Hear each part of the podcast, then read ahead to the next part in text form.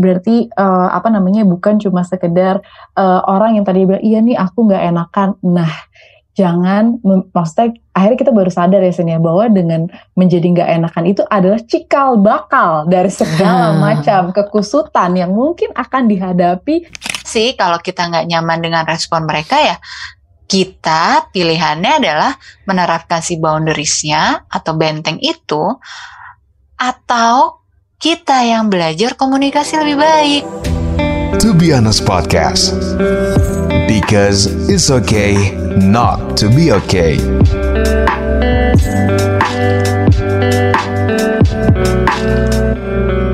Balik lagi di To Be Honest Podcast. Kali ini saya dan Cynthia akan ngobrol. Uh, temanya hari ini cukup menarik gitu mm -hmm. ya. Mungkin uh, Cynthia belum lama ini kita sempat ngobrol ya. Iya. Oh iya nih, aku tuh jadi orang nggak enakan banget. Kadang-kadang tuh suka, oh iya kalau orang orang minta ini iya iya iya iya aja gitu, iya iya terus hmm. tapi ujung-ujungnya mangkel gitu ya Sin ya. yes man gitu. Oh, oh gitu yes mulu katanya. Sampai akhirnya kita kelimpungan sendiri. Eh mm -mm. terus pas baca-baca, mm -mm. ternyata ada tuh hal yang mesti kita uh, kembangkan atau kita mesti upayakan yaitu boundaries atau hmm. kita tuh hmm. sebenarnya harus punya batasan tahu sin. Benar. Nah kemarin tuh sebetulnya uh, ide ini muncul ketika uh, zaman sekarang banyak orang yang menghidupi kata-kata fake it to make it. Mm-hmm. Jadi meskipun dia sebenarnya dalam hati enggak tapi say yes untuk akhirnya bisa diterima gitu. Yang yang sebetulnya lagi dilupain adalah siapa sih diri kamu sebetulnya atau apa sih batasan uh, dalam diri kamu gitu yang sebetulnya pengen dibahas juga hari ini. Seberapa ya. jauh sih sebetulnya kita sebagai pribadi di sosial atau misalnya di keluarga, di pertemanan punya yang namanya boundaries atau batasan di dalam hidup. Gitu. Ya. Prinsip-prinsipnya tuh apa aja Benar. sih gitu. Iya sampai akhirnya kita bisa menjadi orang yang at least berani untuk bilang enggak sama sesuatu hal yang mungkin emang gak sesuai dengan apa yang kita pengen gitu ya. Mm, punya Pokoknya isu. kita harus berani sampai akhirnya kita.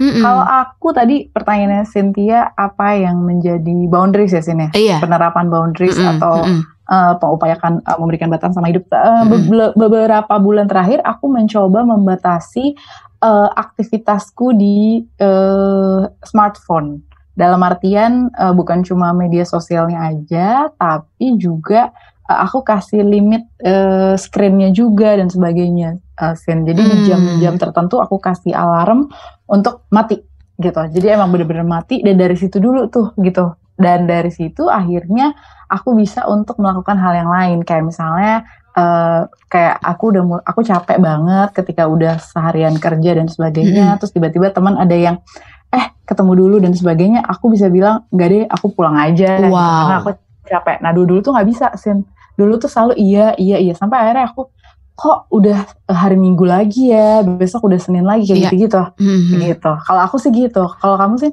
Itu keren banget sih. Karena zaman sekarang aku juga mulai nyadarin kalau uh, smartphone kita nih apalagi mm. media sosial mm itu absorbing banget uh, energi mm. dan juga apa ya jadi kita tuh lupa buat hidup di real time yang sekarang.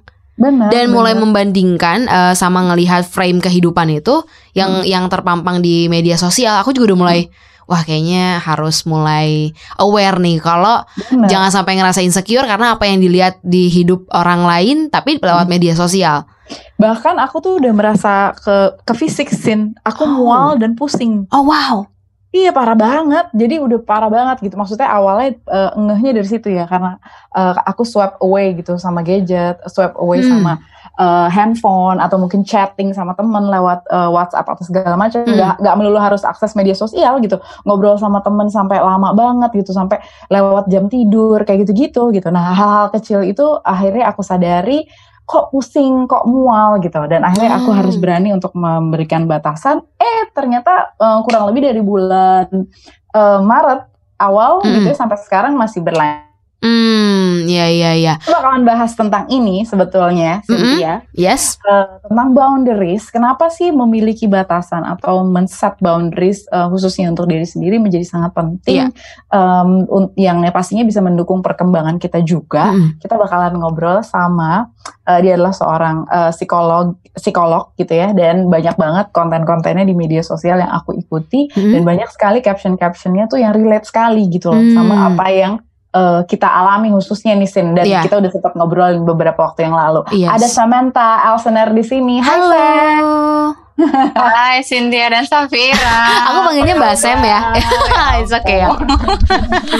Oke. Kami baik, kami baik. Si, uh, Samantha ini psikolog, menulis juga. Iya. Dia juga concern banget sama uh, apa namanya psikolog untuk anak-anak juga. Ini menarik banget. Boundariesnya itu sendiri sebetulnya apa sih? Mungkin ada term keilmuan misalnya atau misalnya yang bisa dijelasin ke teman-teman yang lagi dengerin, tapi dengan bahasa yang mudah dimengerti gitu tentang boundaries atau batasan. Silakan Mbak Ya. Seperti yang Cynthia udah bilang tuh, boundaries atau batasan.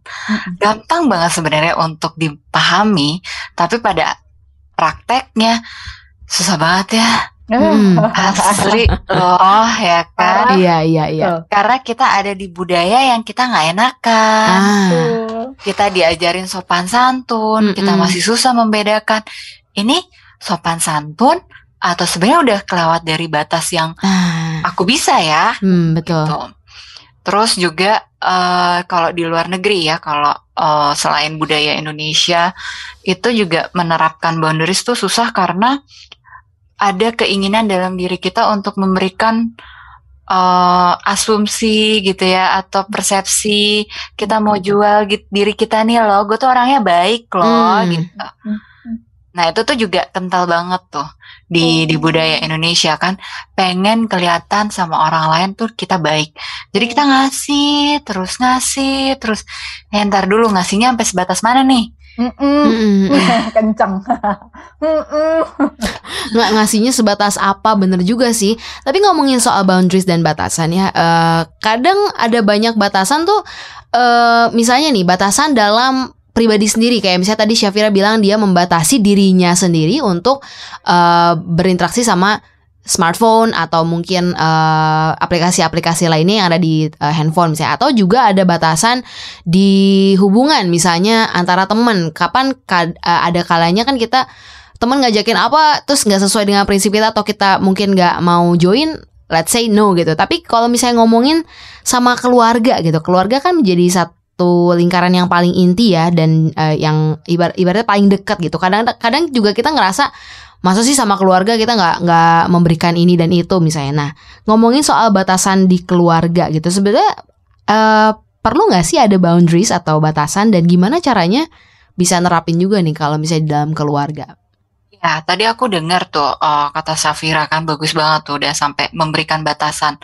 Eh, berapa lama sih menggunakan gawai atau gadgetnya? Mm-mm. aplikasi-aplikasi itu salah satu awal dari kita melatih diri kita gimana untuk set up our boundaries. Mm-mm. Nah, hmm, kalau bicara tentang keluarga, keluarga tuh sebenarnya yang paling dekat sama kita, tapi paling susah untuk kita buat nih batasannya tuh gimana sih gitu ya. Mm-mm. Nah, eh, prinsipnya gini sih, kalau boundaries itu berkaitan erat dengan privacy kita. Hmm. Hmm. Oke. Kita bisa nggak kita membagi hal yang private tentang diri kita Mhm. ke orang lain selain keluarga? Mhm. Kan Mhm. kita butuh rasa percaya kan? Iya. betul. Kalau kita udah percaya sama seseorang dan kita makin percaya sama dia, hubungannya makin dekat, jarak komunikasinya makin dekat dan makin sering intensitasnya, Hmm. kita jadi semakin sering ngobrol, makin banyak diskusi, Hmm. akhirnya kita membagikan kan keseluruhan diri kita satu persatu gitu sama orang ini gitu. Nah, Hmm. keluarga itu masalahnya kita udah di situ kan dari kita lahir. Betul. Hmm, hmm, hmm. Rasanya walaupun kita nggak percaya sama keluarga kita, tapi begitu keluarga ada yang ngomong, eh lo masa sama saudara sendiri kayak gitu sih? Iya. Yes. Itu kita langsung baper. Mm-mm, banget. Nah, Oh jadi kita koreksinya ke diri kita. Mhm. Kenapa kita jadi baper kalau kita dikomentarin oleh keluarga kita sendiri? Hmm, iya. Hmm. Kalau kita masih baper, berarti masih ada hal-hal yang secara emosional belum selesai dong di dalam diri kita. Hmm. Belum bisa kita proses dengan baik.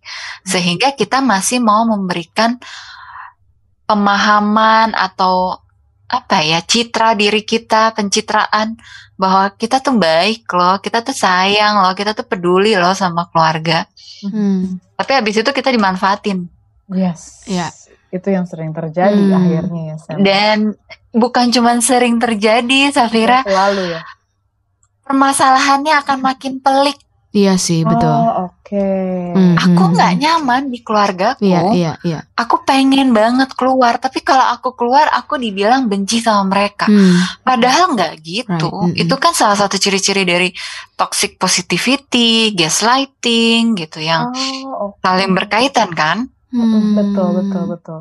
Oh, Kayaknya positif mau jagain keluarganya gitu. Nggak boleh keluar, udah tinggal aja di rumah gitu. Mm, mm tapi di rumah kondisinya toksik berantem terus. Mm-mm. obrolannya yang berkaitan dengan misalnya duit aja minta ah, duit aja mm, gitu. iya, iya, iya. lo minta duit terus sih tapi lo nggak pernah hubungin gue.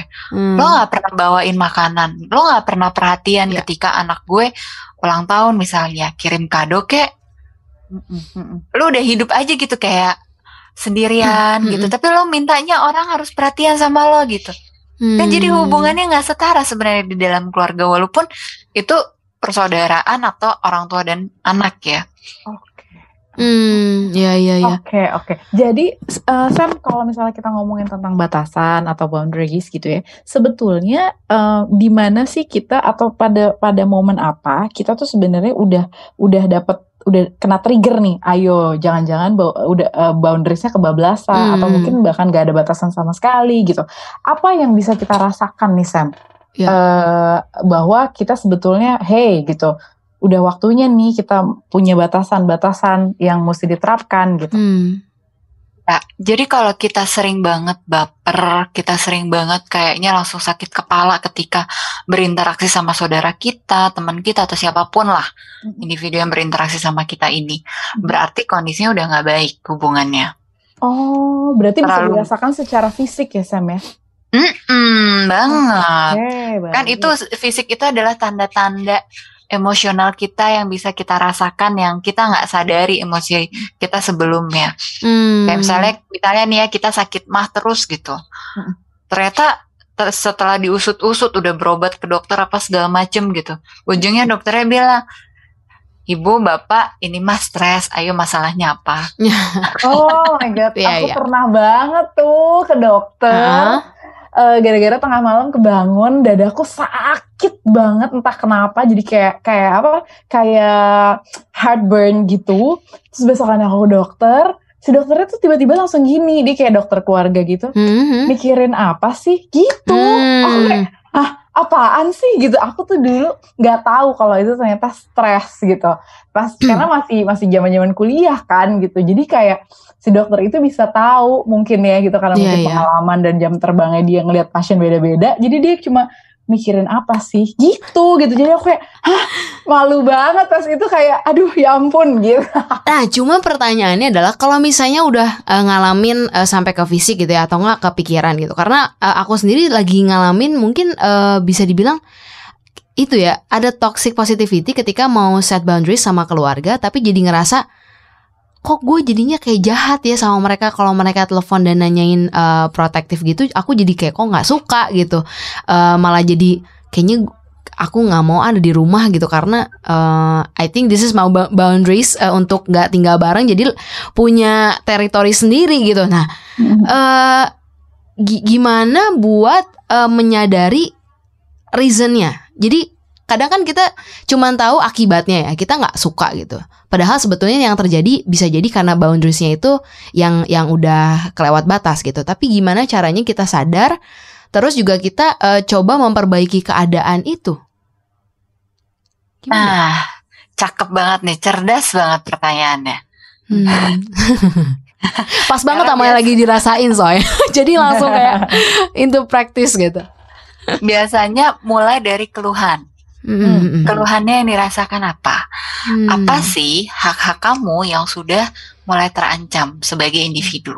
Hmm. Misalnya nggak Hmm. punya hak suara di rumah. Hmm. Misalnya kok gue cuman kayak sapi perahan ya atau kartu ATM doang nih. Gitu yang cuman dimintain duit aja. Tapi kualitas hubungannya nggak ada. Hmm. Terus eh, ngomongnya kasar. Sedangkan kita nggak suka kalau ada orang yang ngomong kasar. Hmm. gitu yang nggak ada kontak mata terus nggak nggak dinamis ya maksudnya mm, semuanya tuh kayak individual aja terus kalinya ngumpul pada berantem padahal maksudnya bikin bercandaan gitu Hmm. nah terus udah gitu yang modelannya juga eh hal-hal yang dilihat orang lain kayaknya sepele ah gue sih nggak apa-apa kalau orang tua gue kayak gitu misalnya gitu. Tapi buat kita yang ngalamin kayaknya itu berpengaruh besar deh terhadap kesehatan mental kita. Jadi ganggu jadi nggak bisa konsen nggak bisa fokus ngerjain apa yang kita lakukan sehari-hari. Hmm. apalagi nih kalau misalnya selama satu tahun terakhir ya kita kan udah work from home ya walaupun sekarang udah banyak yang work from office juga. Tapi paling enggak kita tuh semakin tersadarkan selama satu tahun terakhir. Dengan kondisi pandemi kita work from home kita makin tahu tuh oh gue tuh ternyata nggak suka kalau orang tua gue melakukan hal ini ke gue. Ya. oh ternyata gue tuh nggak suka kalau kakak gue adik gue begini nih sama gue. Hmm. ini tuh udah melewati privacy. Kayaknya ngatur gue terus deh Hmm. gitu sedangkan mereka nggak tahu kebutuhannya gue Hmm. atau tipe keluarganya tuh yang manipulatif banget gitu yang mau kontrol semua tentang hidup kita Hmm. kamu nggak boleh gitu pacaran sama ini pacaran tuh cari yang uh, punya duit yang kaya yang gini yang ini tapi nggak sesuai sama value kita Hmm. kita butuh karena kita punya kebutuhan ya manusia punya needs yang beda-beda gitu. Kebutuhan utama kita adalah kasih sayang. Nah masa kita disuruh cari jodohnya yang banyak duit? Apakah itu pernikahan bisnis atau pernikahan yang berlandaskan kasih sayang? Oh oke. Gitu. Jadi biasanya gitu kan. Jadi ada kondisi-kondisi yang setiap individu akan ngalamin keluhannya tuh beda-beda. Bisa aja nih buat buat Safira Mhm. itu dikontrol orang tua Mhm. merasa mendapatkan dukungan. Hmm. Hmm. Tapi buat Cynthia dikontrol orang tua gila loh. Emang dikira gua masih bayi apa? Hmm. Harus dikontrol diarahin Iya, iya, terus iya. gitu. Karena it's all about perspective kan. Kita punya cara ping- pandang, cara pikir yang berbeda-beda dan berdasarkan dari kebutuhan kita juga secara individu. Kita tuh Hmm. maunya apa sih sebagai individu yang dewasa? Kita punya visi ke depannya, kita mau mendapatkan hmm, karirnya seperti apa? Bisa Hmm. nggak kalau kita mau mendapatkan karir yang seperti itu dengan kondisi keluarga atau di rumah yang nggak kondusif? Apakah kita akan konsentrasi mencapai visi dalam karir kita? Hmm. Hmm. Oke. Oh, Oke, ini ini menarik banget ya. Maksudnya bahwa eh, setiap orang memang beda-beda dan perbedaan-perbedaan itu pun nanti yang akhirnya em, membentuk seseorang itu eh, dalam penerapan, misalnya kayak dia harus punya batasan atau level penerimaannya seperti apa Mhm. dalam eh, kontrol yang diberikan, kayak misalnya dari keluarga. Aku sama Cynthia mungkin berbeda, Samantha juga berbeda. Nah, ngomongin tentang ba- batasan atau boundaries nih Sam Hmm. Hmm.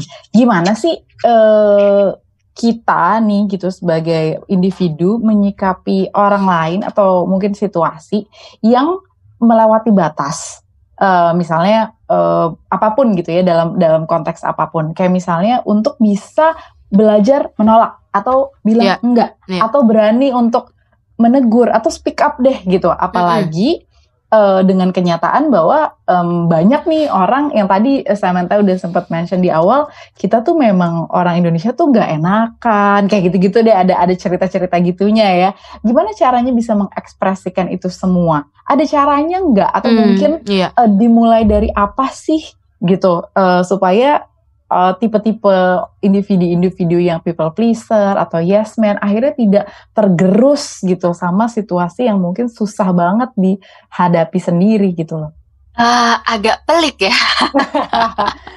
Karena kan itu jadi kayak kayak hal yang dihadapi banyak orang Iya, gitu, iya. Sam, gitu. Sampai akhirnya Bener. Heeh, iya, heeh, iya. Bener, aja, bener, Bener banget. bener banget. Karena aku juga, aku sempat nulis minggu lalu kan tentang bahayanya kalau punya anak yang ED child. gitu. Heeh. Hmm. Hmm. Berarti kan Betul. nurut banget gitu sampai Yes. dia nge-repress semua perasaan semua kebutuhannya dia Hmm, hmm. cuma untuk mendapatkan predikat anak baik gitu dari Hmm. orang tuanya Betul. dan balik lagi sih ketika kita berproses bertransformasi Hmm. itu pasti ada pergolakan besar di dalam diri kita yang selalu bertanya-tanya am I doing right am I Hmm. doing wrong Hmm. dan ketika kita lagi bertanya-tanya kayak gitu kan berarti kita lagi mencari validasi kan Betul. ketika kita mencari validasi kita butuh yang namanya uh, pemahaman tingkat yang lebih tinggi naik level gitu cara berpikirnya Hmm. Untuk bisa lebih bijaksana lagi memilah gitu. Batasannya yang cocok buat kita tuh apa sih? Jadi kalau aku selalu senang mulai dari hal yang paling mudah buat kita lakukan. Mhm. ada Hmm. sih cara yang uh, dimulai langsung hajar bleh gitu ada. Nah, tapi itu ekstrim banget kan? Hmm, Kalau yang Ya. paling sederhana apa eh, Sam? Misalnya gitu, yang yang mungkin ini udah gila kita tuh sampai sampai ngerasa kasihan banget nih sama orang yang mungkin curhatnya karena sebetulnya lo tahu lo apa yang mesti lo lakukan, tapi nggak berani untuk eh, step out gitu, Hmm, hmm. gitu. Nah, langkah pertamanya tadi yang Safira bilang, Oh, berani, ya. berani dulu dan latihan untuk meningkatkan rasa keberaniannya itu. Kita bisa dengan cara pertama memperbaiki self esteem dulu. Self esteem itu bagaimana kita merasa berharga tentang diri kita kan. Iya. Kita ngerasain oh ya gue tuh sebagai individu gue punya value loh. Mm-mm. Gue ngerasa gue tuh nyaman kok gitu. Hmm, hmm. Gue nggak ngerasa salah kok kalau gue ngelakuin hal ini. Hmm, betul. Hmm. itu. Nah, kalau kita udah mulai ngerasa nyaman dengan hal itu, kita akan lebih berani untuk bilang, maaf ya, kayaknya nggak bisa ikut deh. Maaf ya, kayaknya bulan ini aku tuh cuma bisa bantuin keluarga sebesar nominalnya berapa gitu. Karena aku juga Hmm. lagi punya keperluan ini ini ini gitu. Tapi kalau kondisinya misalnya lima tahun lagi, kita misalnya kondisi keuangannya membaik, kita bisa ngasih lebih gitu. Ya itu lagi bagaimana kita mau apa ya membuat situasi dinamis juga gitu kan Mm-mm. itu butuh kerelaan dari diri kita juga kan Oke. gitu. Iya, eh iya. kayaknya bisa nih aku uh, sekarang ngasih misalnya uh, lebih besar daripada yang sebelumnya. Terus di tahun yang berapa tahun berikutnya lagi susah nih masalah kerjaan, masalah penghasilan, kayaknya kita perlu adaptasi lagi nih, perlu di bawah lagi turun lagi ya gitu. Jadi Hmm. karena hidup itu begitu dinamis, Mm-mm. ya mau nggak mau emang kita cuma bisa beradaptasi dengan tuntutan hidup kita. Kalau kita nggak beradaptasi dengan tuntutan hidup kita, ya kita bakalan ada di lingkaran setan itu terus, Oke. dan kita nggak bisa memutus mata rantai si setan yang kayaknya jadi awan-awan hitam di kepala kita terus gitu, dan Hmm. itu akan memancarkan aura yang jelek Iya. aura yang kayaknya tidak mengundang kita pada kesuksesan sementara mau dia orang katanya orang pintar atau orang nggak pintar orang yang bisa baca aura atau nggak bisa dia akan ngerasain nih orang kok loyo terus ya ke kantor ya Hmm. nih orang kok rasanya nggak semangat sih nih orang kok kerja di sini tiga bulan isinya ngeluh terus ya Hmm, hmm. Emang nggak bisa apa dia ngeliat sesuatu hal yang positif? Akhirnya kan merugikan diri kita sendiri dan kita jadi nggak punya prestasi apa pun loh. Ya, oh, Hmm. oke. Wow. Se Sekompleks itu gitu kalau kita nggak berani ngelakuin boundaries. Iya, iya, Wow. benar banget. Ini jadi satu hal yang emang harus kita latih terus-terusan, Benar. Harus dilatih dan eh, mungkin yang aku pengalaman dalam eh, apa ya ibaratnya eh, showing your boundaries gitu ya ah, sama sama eh, lingkungan atau sama keluarga sama temen gitu.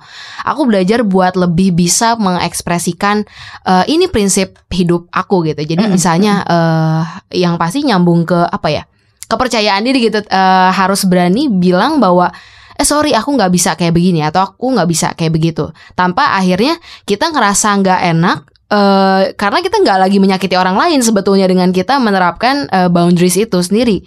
Asertif ya. Iya iya aku, Jadi aku, pola komunikasinya mesti asertif. Mm-mm. Ya benar aku sih. belajar banget buat eh, akhirnya bilang eh, say no gitu dan punya prinsip juga you don't owe your explanation to anyone gitu. Jadi kalau misalnya kamu bilang enggak atau misalnya kamu eh, bilang sesuatu uh, ada kalanya nggak perlu dijelasin Jelas. semua apa yang kamu pikirin karena mungkin juga orang sebetulnya nggak terlalu peduli peduli amat karena yang pada akhirnya taking care of your bisnis ya diri kamu sendiri gitu kalau misalnya akhirnya overwhelmed banyak kan orang yang uh, terlalu say yes terlalu bilang iya sama semuanya hmm. akhirnya yang dikorbankan adalah dirinya sendiri gitu mengorbankan diri sendiri hmm. itu kayak gini nggak apa-apa deh hmm. yang penting dia happy gue nggak happy juga nggak apa-apa Hei, gimana orang bisa ngerasain kebahagiaan kamu kalau kamu sendiri nggak tahu rasanya bahagia tuh kayak gimana?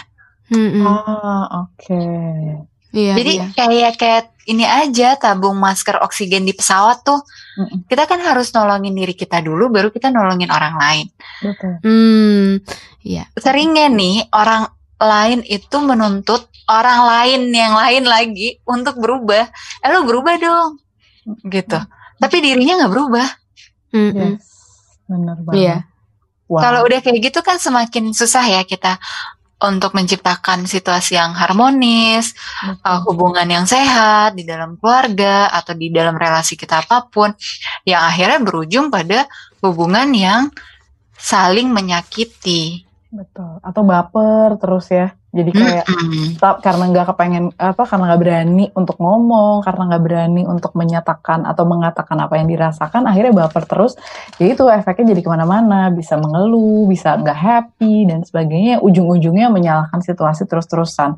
Nah, um, Sam, aku tuh jadi uh, keinget gitu ya beberapa waktu yang lalu uh, ketika aku ketemu sama satu community baru gitu aku mm. uh, tipe orang yang memang melihat dulu gitu situasi itu kayak apa dan sebagainya mm. gitu walaupun mungkin pekerjaannya berhubungan dengan uh, banyak orang dan sebagainya aku tuh uh, mungkin mungkin itu adalah boundaries yang memang aku punya atau mm. apa tapi sampai satu orang came um, came out with this idea bahwa dia bilang kenapa sih Fir kok hold back sekali? Gitu. Terus aku kayak why, uh, why are you so holding back? Gitu what are you hmm, holding hmm. up to? Gitu gitu.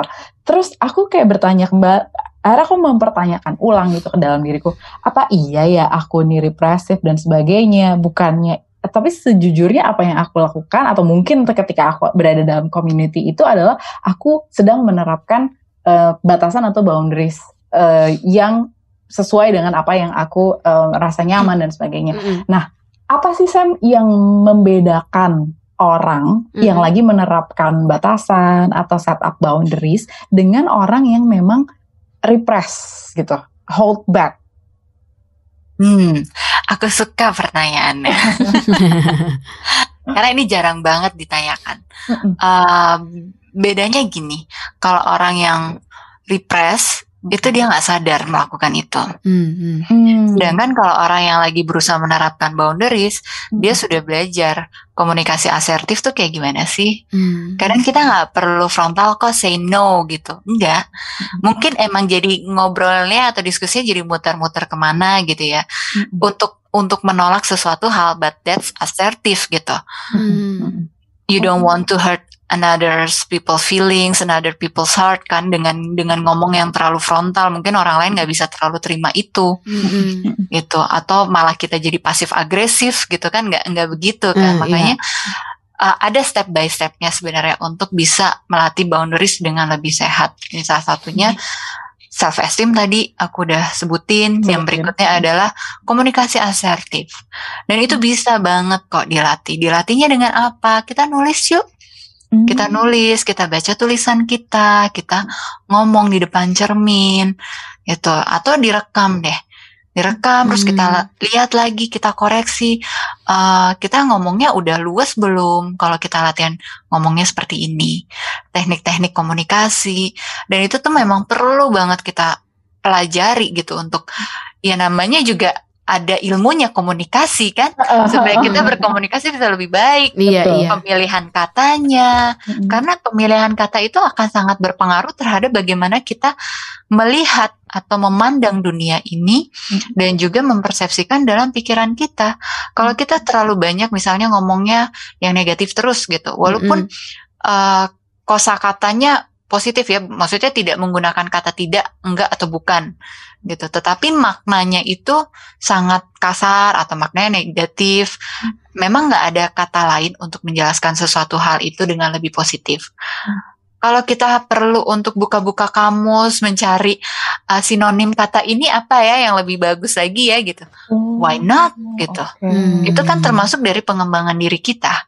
Yes, betul Hmm. betul. Gitu dan Hmm. kuncinya kan di situ kitanya yang selalu mengembangkan diri kita.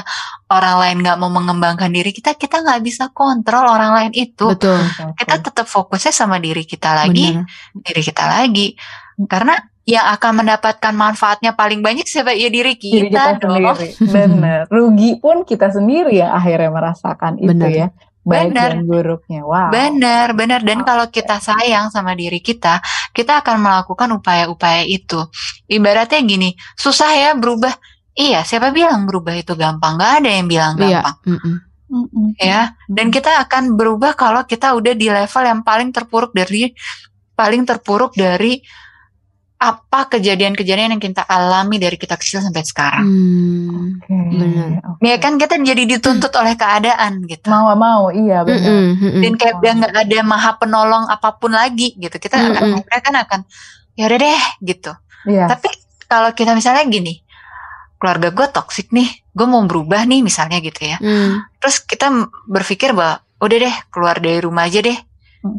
gitu oke keluar dari rumah tujuannya untuk apa untuk lari dari masalah Hmm. untuk merubah diri untuk bertransformasi Mm-mm. untuk set up boundariesnya Mhm. atau cuman buat eh, mengundur-ngundur waktu supaya nggak Mhm. berantem Aha. Karena hindar Kayak ya. dua, iya dua dua bulan kangen nih berantem nih pulang ke rumah cari keributan nah Kangennya sama ribut.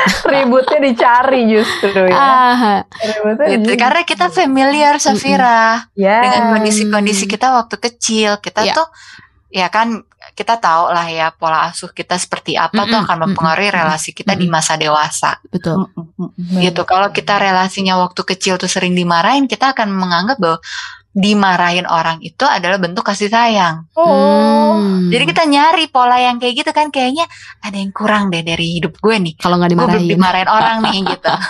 Oh my god, serem banget ya. gitu. Nah, it- itu itu salah satu yang kita repress Safira yang kita nggak sadari. Hmm. Tapi eh, ketemu dalam bentuk format yang lain dalam relasi kita. Oke. Tapi kalau yang kita set up boundaries, Hmm. kita tuh ngomongnya udah lebih manis gitu kayak Hmm. ngomongnya jelas misalnya kayak "Eh, mbak aku eh, kerjanya profesional ya gitu jadi aku eh, appreciate banget kalau kita bisa fokus aja sama urusan profesional kita gitu I really Hmm. concerned about our collaboration atau apa tapi kita nggak nggak mikirin atau kita bahkan nggak ngomongin orang lain Hmm. gitu ya bisa sama rekan profesional kita gitu ya terus eh, termasuk bisa misalnya nih ya kalau kalau sebagai psikolog nih Mm-mm. uh, dari pengalamanku di uh, ruang praktek itu ada beberapa klien yang jadi ngomongin atau ngegibahin psikolog lain. Oh. Oke. Aku nggak tahu ya motifnya apa kan kita nggak tahu. Bisa aja memang itu adalah proses dari pengalaman dia pergi ke psikolog yang lain. Iya. Tapi sebagai etika profesionalnya, aku kan tidak boleh ngomongin si psikolog itu, nggak boleh menjatuhkan sesama rekan profesi. Mm-mm. Betul. rekan sejawat tuh nggak boleh dijatuhin. Jadi aku mendengarkan, oke gitu ya. Aku akan bertanya lagi ke klien, oh jadi pengalamannya seperti itu ya. Fokusnya adalah pada emosi yang dia rasakan. Oh. Tapi kalau kita terjebak, kita nggak punya boundaries, kita bisa aja loh, kita terjebaknya sama ceritanya. Oh gitu ya. Mm, mm, Oh, saya baru tahu tuh orang itu begini. Nah, kita kan udah punya persepsi gitu, kita nggak tahu loh klien itu berpikiran, oh psikolog yang ini berarti nggak suka sama psikolog itu ya. Iya, Terus kalau dia di luar ruang praktek dia jadi ngomongin sama teman-temannya, eh, eh gitu. Ya netizen Indonesia ini kan, Hmm. aduh hai kan kalau Cepet masalah. Iya iya ya, iya iya. gitu. Eh ternyata si psikolog ini tuh begini-begini loh sama psikolog yang itu. Ya soalnya gue di ruang praktek gini-gini gini. Nah gitu loh. Mm, Jadi, mm, mm, di di dalam profesi apa pun aku yakin itu juga pasti akan terjadi apalagi kalau di dunia hiburan ya itu kan cepet Mm-mm. banget kan mm, mm, mm, gitu mm, terus di kantor-kantor kita habis habis briefing sama bos misalnya terus ternyata ada teman yang ngomongin sama teman yang lain ya udah cukup aja apa yang di ruangan diskusi sama bos kalau cuma berdua bertiga ya cukup berdua bertiga itu aja nggak usah hmm. nanti di luar jadi ngomongin nama-nama yang disebutkan oleh bos misalnya hmm. itu termasuk boundaries loh. Oh wow, hmm. jadi memang sebenarnya kalau dalam penerapan boundaries ini sendiri itu luas banget, iya. yang sebetulnya proses belajarnya tuh nggak nggak sampai di level tertentu saja, tapi seumur hidup mungkin ya Sam ya. Benar, hmm. benar.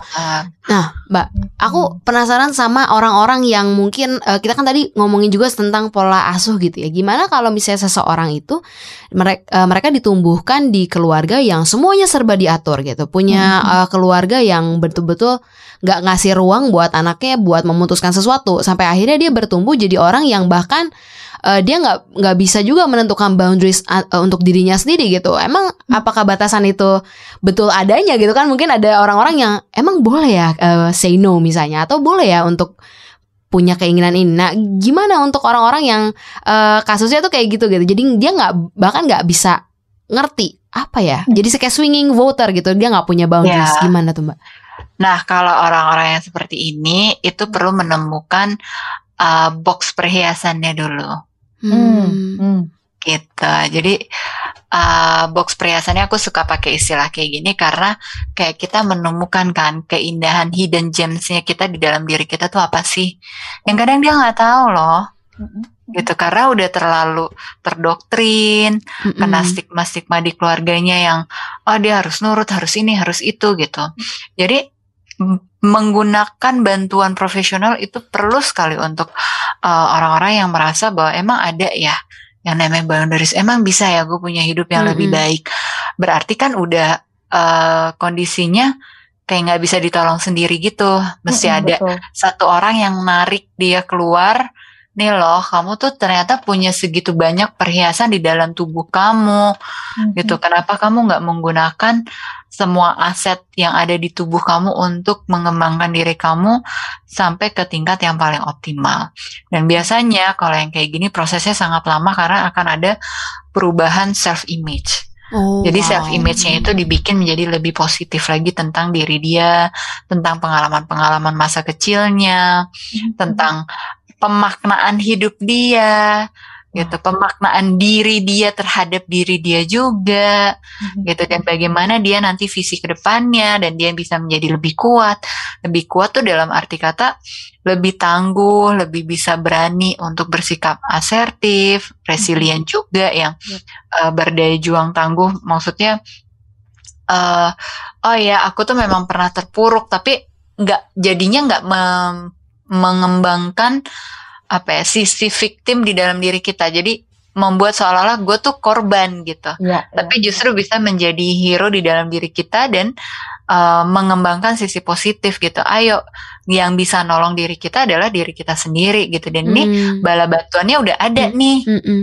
udah tersedia nih tinggal kita tancap gas mm-hmm. gitu kan kita belajar dapat SIM deh. Yes. Mm. Berarti bisa dibilang bahwa penerapan boundaries atau memiliki batasan dalam segala hal um, dalam kita, kita setiap individu menjalankan peran itu perannya sangat um, atau fungsinya sangat besar ya dalam menentukan kualitas hidup ke depannya. Mm-mm berarti uh, apa namanya bukan cuma sekedar uh, orang yang tadi bilang iya nih aku nggak enakan nah jangan maksudnya akhirnya kita baru sadar ya Sen ya bahwa dengan menjadi nggak enakan itu adalah cikal bakal dari segala hmm. macam kekusutan yang mungkin akan dihadapi uh, ketika menjalankan peran yang lain yang mungkin nantinya mungkin sekarang masih dirasa oh cuma bayarin aja misalnya gitu hmm. ah uh, ada orang utang nggak ditagih aja hmm. oh masih yeah. gitu tapi mungkin dalam hal yang lain ketika perannya berubah ketika mungkin nanti menikah punya anak nah Eh, hal-hal nggak enakan itu nantinya akan ke bawah karena uh, pengalaman yang lalu-lalu nggak diberesin. Mungkin gitu kali ya sih. Mm -hmm, iya iya benar-benar. Nah iya. itu akan nggak hmm. enak itu yang uh, kayaknya harus mulai dilatih ya. mm, mesti berani untuk diputus tuh mata rantainya supaya nggak ngebentuk chain uh, apa namanya yang nantinya akan membuat uh, hidup dari setiap individu ini mm. akan semakin kusut gitu, Benar. gitu yang akhirnya nantinya uh, mempengaruhi banyak hal dan rugi buat diri dia sendiri dan juga yang pastinya mengganggu untuk uh, orang lain juga mm. khususnya orang-orang terdekat apalagi iya. kalau misalnya mungkin Samantha uh, di sini uh, seorang psikolog pasti udah banyak sekali klien-kliennya yang um, dihadapi gitu ya, uh, yang akhirnya akhirnya gitu uh, ada generasi-generasi yang ya mungkin ada generasi ya keluarga saya toksik dan sebagainya ya karena mungkin awal mulanya dari si nggak enakan itu hmm. atau nggak hmm. bisa menerapkan boundaries itu sendiri gitu. Tapi kalau misalnya gini hmm. nih, uh, aku aku uh, punya case uh, yang lagi aku alamin misalnya uh, gini ya Mbak, aku cerita misalnya aku telepon sama uh, mama aku gitu ya. Nah, misalnya setiap kali aku cerita uh, pengalaman di hari ini, misalnya kayak aku pergi ke sini, aku makan ini, aku makan ini. Nah, sering kali tuh feedback yang di uh, diterima adalah kritikan. Jadi misalnya, kayaknya kamu harusnya nggak kayak gini deh. Kok kamu kayak gini sih? Jadi uh, misalnya uh, aku makan ini, itu makanannya gini deh, nggak sehat apa segala macem. Nah, itu tuh membuat diri aku jadi, aduh next time kayaknya gue nggak usah cerita ya gitu. Jadi membuat bukan boundaries tapi lebih ke benteng kali ya. Jadi ada satu apa ya defense bahwa oke okay, kalau ke, ke keluarga nggak usah cerita hal ini uh, di Instagram kayaknya gue ngeblok aja orang tua gue biar nggak usah lihat daripada kasih komentar ini dan itu. Nah, gimana kita melihat itu as a boundaries atau kita lagi uh, holding back atau nutupin sesuatu gitu? Karena kan banyak orang di luar sana yang mungkin keluarga atau teman yang akhirnya nggak bisa menghargai atau mungkin nggak bisa lihat bahwa oh dia tuh cuman dia jadi, jadi diri dia sendiri kenapa kita harus selalu mengkritik gitu gimana mbak Oke, ini, ini menarik banget disebutin kata-kata benteng akhirnya keluar ya. Dari tadi aku nunggu-nunggu kayaknya uh, emang paling sederhana mm. bi apa kalau kita mau bayangin tentang boundaries ya benteng lah mm -mm, gitu, teritori mm -mm. kita sendiri gitu mm, kita iya, ciptain iya. benteng gitu. Cuman kalau disebutin di awal kan uh, ya udah selesai dong.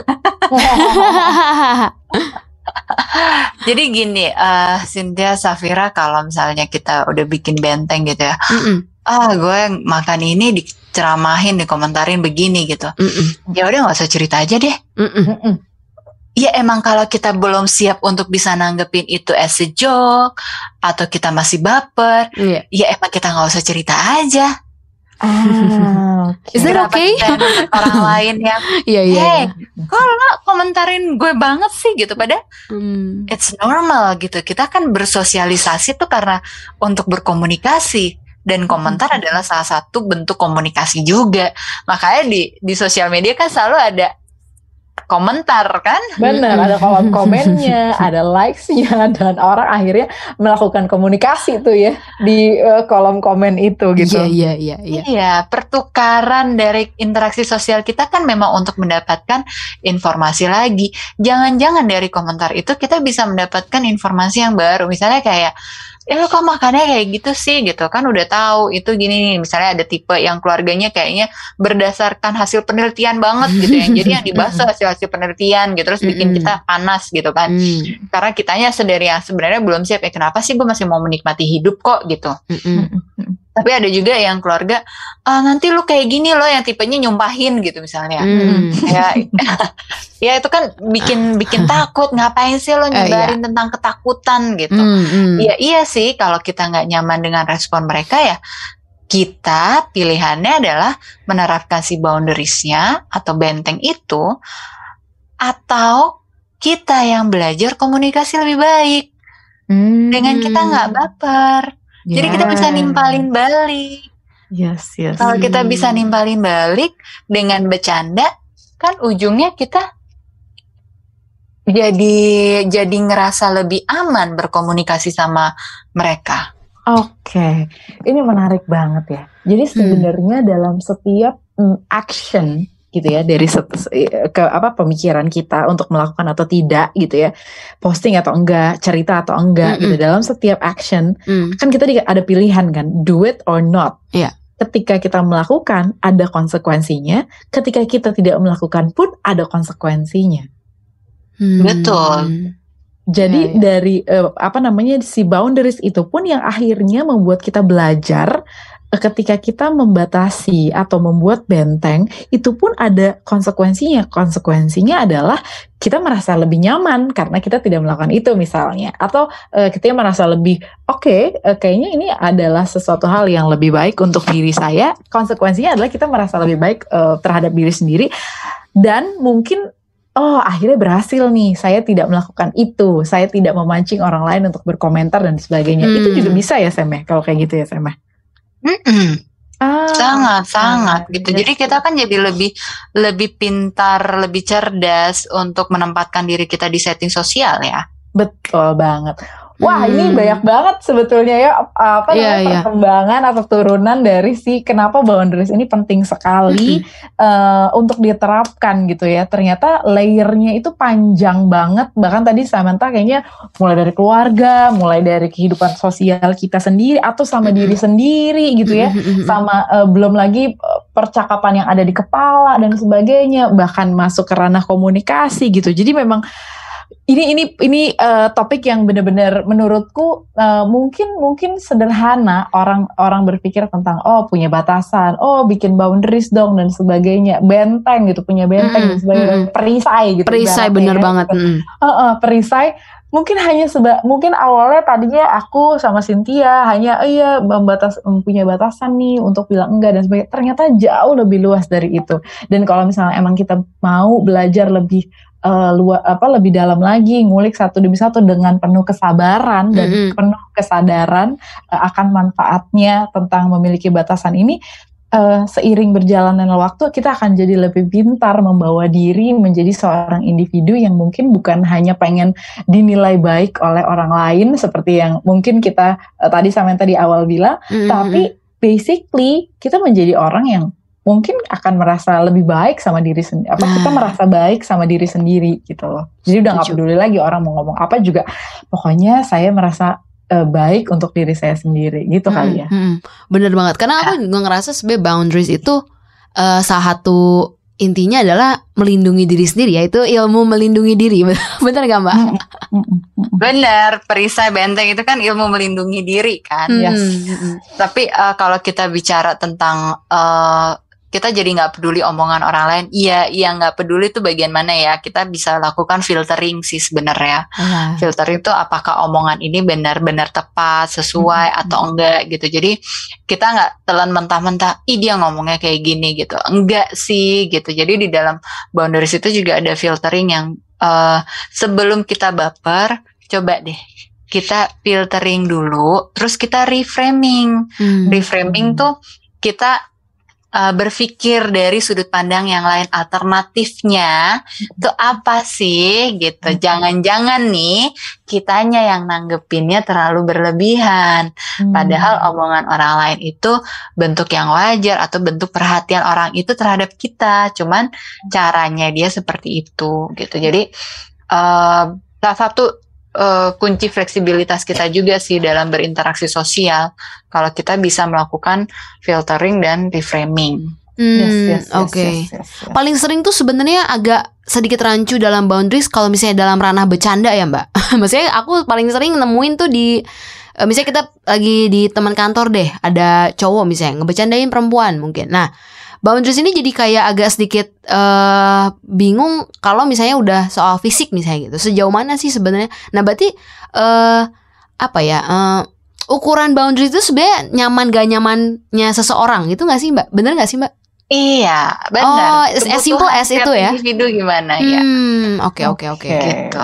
Karena Tuh, kalau misalnya kita nggak misalnya kayak tadi bercandaan di kantor gitu kan terus kita merasa nggak nyaman ya udah ya. kita melipir aja tiba-tiba pergi gitu hmm. misalnya terus kita uh, habis itu balik lagi gitu tanpa hmm. orang juga notice bahwa itu misalnya uh, bentuk kita nggak terima dengan bercandaannya dia gitu tapi kalau hmm. udah mengganggu banget ya kita mesti bilang kan iya yes. gitu jadi ada uh, ada level eskalasinya sampai di mana sih sebenarnya ini udah ganggu banget batasan yang gue udah nggak bisa tolerir lagi ah oke okay. okay. berarti wow. sesimpel ukuran boundaries itu kamu nyaman atau enggak gitu ya uh, nanti pasti ber, ber, beriring waktu kita bakal belajar juga gimana sih punya boundaries yang sesuai gitu ya nggak ketinggian gak juga terlalu permisif dan sebagainya gitu ya benar okay, benar okay, banget okay, got it, got it. dan itu hmm. hanya bisa dihitung secara uh, narasi personalnya masing-masing individu hmm. Hmm. Jadi balik lagi. Balik lagi. Balik lagi Karena kalau misalnya ceritanya Safira, cerita Cynthia kan pasti beda kan? Mm-mm, pasti Iya. berbeda, betul. beda. Kebutuhannya apa, Ya. kenyamanannya kayak gimana. Misalnya kayak Safira tadi dengan contohnya yang are you holding back ditanya kayak gitu deh yang "Hmm, kenapa sih orang nih nanya kayak gini? Mungkin kalau orang itu nanya ke Cynthia, Cynthia tanggapannya langsung ngajakin bercanda gitu. Hmm. Ah enggak kok nggak kenapa-napa terus udah nggak mikirin tentang hal itu lagi. Ya. Itu kan juga bisa. Iya iya iya iya. Pak. Wow, wow, seru sekali pembahasan Seru, seru, ini. Ternyata eh, banyak banget hal yang masih banyak harus kita breakdown, Cynthia. Bener. Tapi jadi lebih aware loh ternyata emang sesimpel boundaries itu. Kamu ngobrol sama diri sendiri, apa sih yang membuat kamu gak nyaman? And then you speak out itu sama Ya. orang lain dengan cara yang baik, dengan Hmm. cara kita berlatih juga buat nyampein boundaries kita. Yes, betul banget. Jadi intinya adalah eh, untuk paham dan sebagainya harus sering-sering berbicara dengan diri sendiri ya. Mm-mm, Ditanyain kabarnya, ditulis tadi Samantha bilang mungkin salah satu tekniknya adalah dengan melakukan journaling, Mm-mm. di review kembali, dicek lagi supaya nanti bisa escalate nih perkembangannya sudah sampai sejauh mana. Iya. Samantha terima kasih banyak hari Terima ini kasih waktunya. Mbak Samantha. Thank you Cynthia dan Safira. Terima kasih buat enlightenmentnya dan juga Oh. nasihat-nasihatnya yang bener-bener kayaknya praktikal bisa aku Yes. terapin. Diterapin, bener banget. Iya dong. Aku sebisa mungkin memberikan sesuatu yang mudah untuk bisa diaplikasikan oleh Yes, Benar. bener Kalau- banget.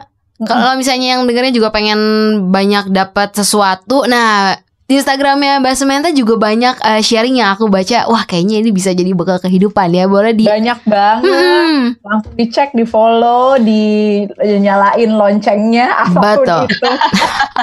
Notification karena memang eh, dari setiap story-storynya Samantha jujur itu yang akhirnya membuat aku berpikir kita kayak harus ngobrolin boundaries ini bersama dengan Samantha Desin gitu karena mm-mm. eh, kita perlu eh, bimbingan dari seorang profesional. Di at Samantha Elsener betul ya Mbak ya? Eh, Pengejaannya Uh, ya, Samantha.elsener. at Samantha.elsener. Nah, oke deh. Baik, terima kasih banyak Samantha. Take care. Em, salam buat keluarga. Mudah-mudahan kita punya kesempatan lagi untuk ngobrol-ngobrol dengan topik-topik yang berbeda. Thank you, Sam. Yes. Thank you, thank you banget sehat-sehat semuanya ya. Bye. Bye bye. Bye. Itu dia akhir di podcast kita hari ini. Kita bakal ngobrol lagi dengan tema-tema berikutnya. Semoga bisa jadi pencerahan. Terima kasih yang udah mendengarkan. See you di To Be Honest podcast berikutnya. We are all human. Be kind to one another.